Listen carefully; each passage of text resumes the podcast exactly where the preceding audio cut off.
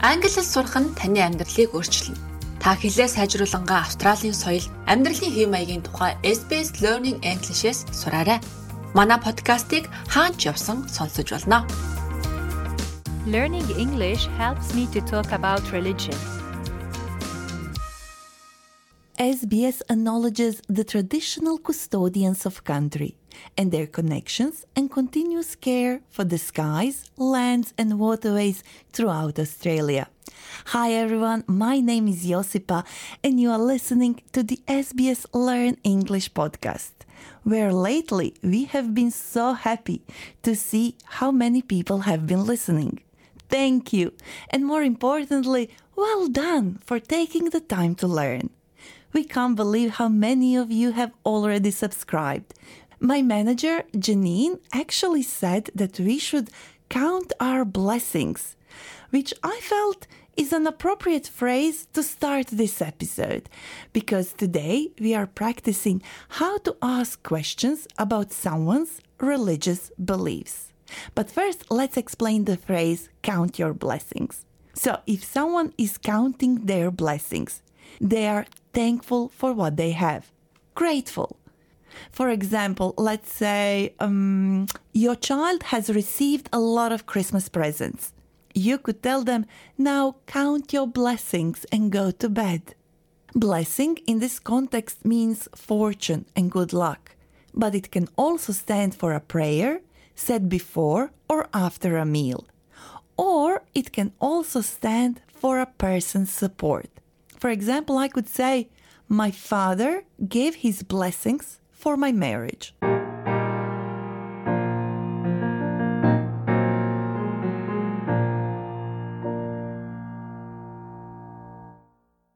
Now let's get into our dialogue.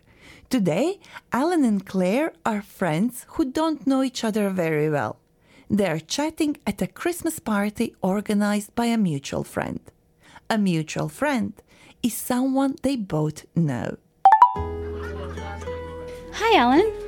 Wow, you look like you won the lottery. Having a great Christmas? Actually, I really enjoy going to church. I always come out feeling quietly happy. I just love coming together with my community and praying together. I like the singing too. Yeah, that's just what my husband says too.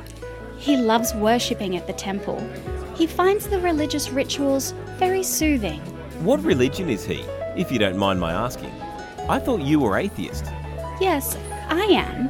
But my husband was brought up Sikh, and though he is not practicing, he does enjoy going to the temple. And he doesn't mind you are an atheist? No, he's very tolerant. His approach to religion is very much live and let live. I'm very lucky. I count my blessings every day. Religion, like politics, can be a touchy subject to talk about, whether you want to find out other person's beliefs or share your own. A touchy subject is a topic that needs to be dealt with carefully and in a sensitive way because it might upset or offend people. So, when starting a conversation about religion, faith, ways of worship, ideology, or any other beliefs we practice, it's good to first make sure the other person is comfortable talking about it. A good indicator that the other person is comfortable talking about it is when they bring the topic themselves. This is what Alan said. I really enjoy going to church. I come out feeling quietly happy. I just love coming together with my community and praying together. And I like the singing too. Alan enjoys going to church. So we could say Alan loves coming together with his community, singing and praying together. Now, do you remember what Claire replied when talking about her husband? He loves worshipping at the temple. He finds the religious rituals very soothing. Let me use these sentences in the first person. They could be useful and applicable to many situations. So, I love worshipping at the temple. I find religious rituals very soothing. Moving on. When Alan asked Claire about her husband's religion, he did it with care, even though it was evident that Claire was comfortable talking about it from their previous conversation. Let's hear again how Alan did it. What religion is he, if you don't mind my asking? I thought you were atheist. What religion is he, if you don't mind my asking? If you don't mind my asking, or if you don't mind my saying, are very useful phrases to ask respectfully about something that could upset, annoy, or embarrass someone. Now, let's say you are not sure if the other person is comfortable talking about their faith. Then maybe it's better not to ask anything. So, you know, you don't come across as rude. But if for some reason you really need to know, you could say, Would it be all right if I asked you a question about your faith? Do you have any particular religious beliefs? If you don't mind my asking. Is religion important in your culture?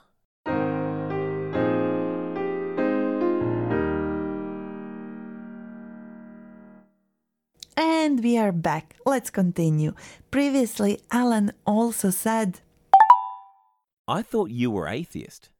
An atheist is a person who doesn't believe in the existence of any God. My husband was brought up Sikh, and though he is not practicing, he does enjoy going to the temple. You can be brought up with any beliefs and practices that shaped your childhood. And when somebody is not practicing their religion, we say they are a not strict follower. Or if they live according to the teachings of a religious text or set of beliefs, we call them strict followers.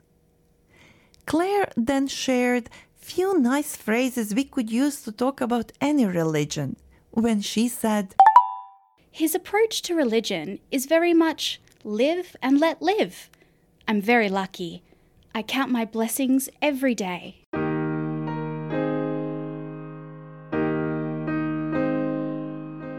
Before introducing my guest, I'd like to share a quote from a book I've been reading recently called Reflections A Journey to God, written by Gary Abbey, who said, What we believe in is not that important. What really counts is that what you believe gives your life meaning, direction, and purpose. With me today is my dear friend Ahmed, with whom I share a lot, even though we grew up in households with different religious and cultural backgrounds. Hi, Ahmed, welcome to the show, and thanks for agreeing to talk to me about this topic. I know it can be a touchy subject. Hi, Josipa. Yes, it can. Can I ask you a question before we start? Sure, please do. Just now, while listening, I wondered my family practice Islam. How common is this in Australia? I'm glad you asked this because I looked at the data from the latest 2021 census and saw that 3.2% of Australians practice Islam. The most common reported religion in Australia is Christianity, 43.9% to be precise. How about other religions? Hinduism and Buddhism are below 3%. But the number that is right up there, close to Christianity, is 38.9%, which belongs to people that don't identify with any religion. And this number has been growing the most in the past 20 years. But let me ask you a question now. Sure, go ahead. That's what I'm here for. Um, so I wanted to talk to you about something because growing up, my grandma, a very committed Christian, often said that we must not use God's name in vain.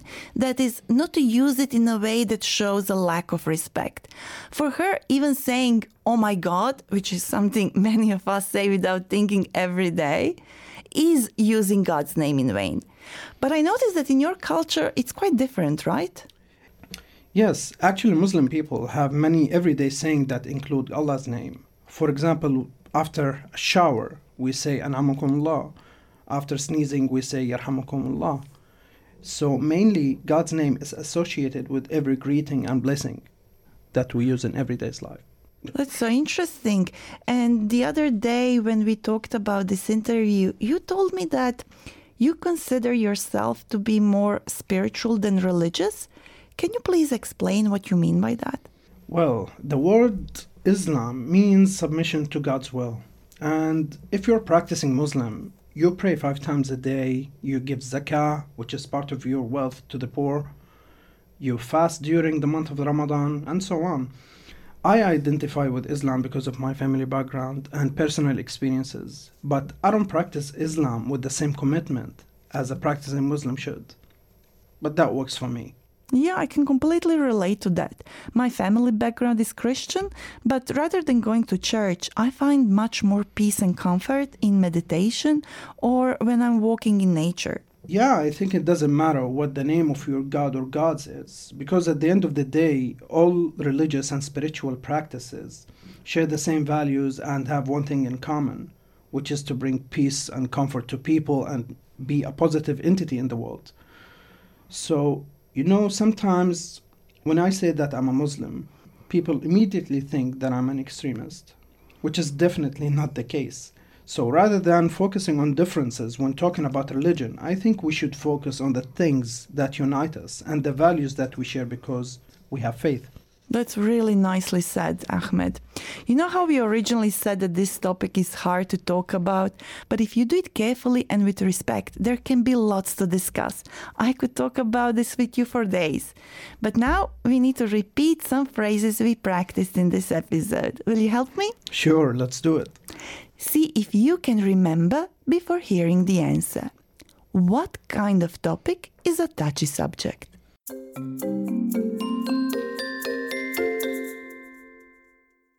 A touchy subject is a topic that needs to be dealt with carefully and in a sensitive way because it might upset or offend some people.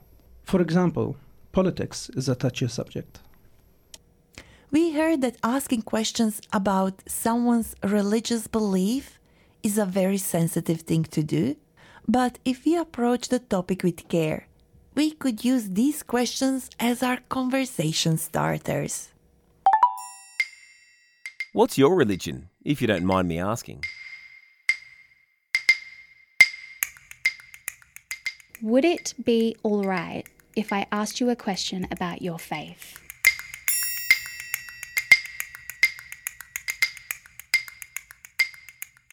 What's your religion, if you don't mind me asking?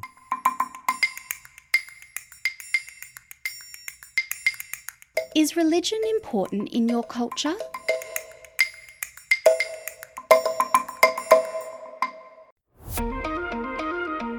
That's it for this episode.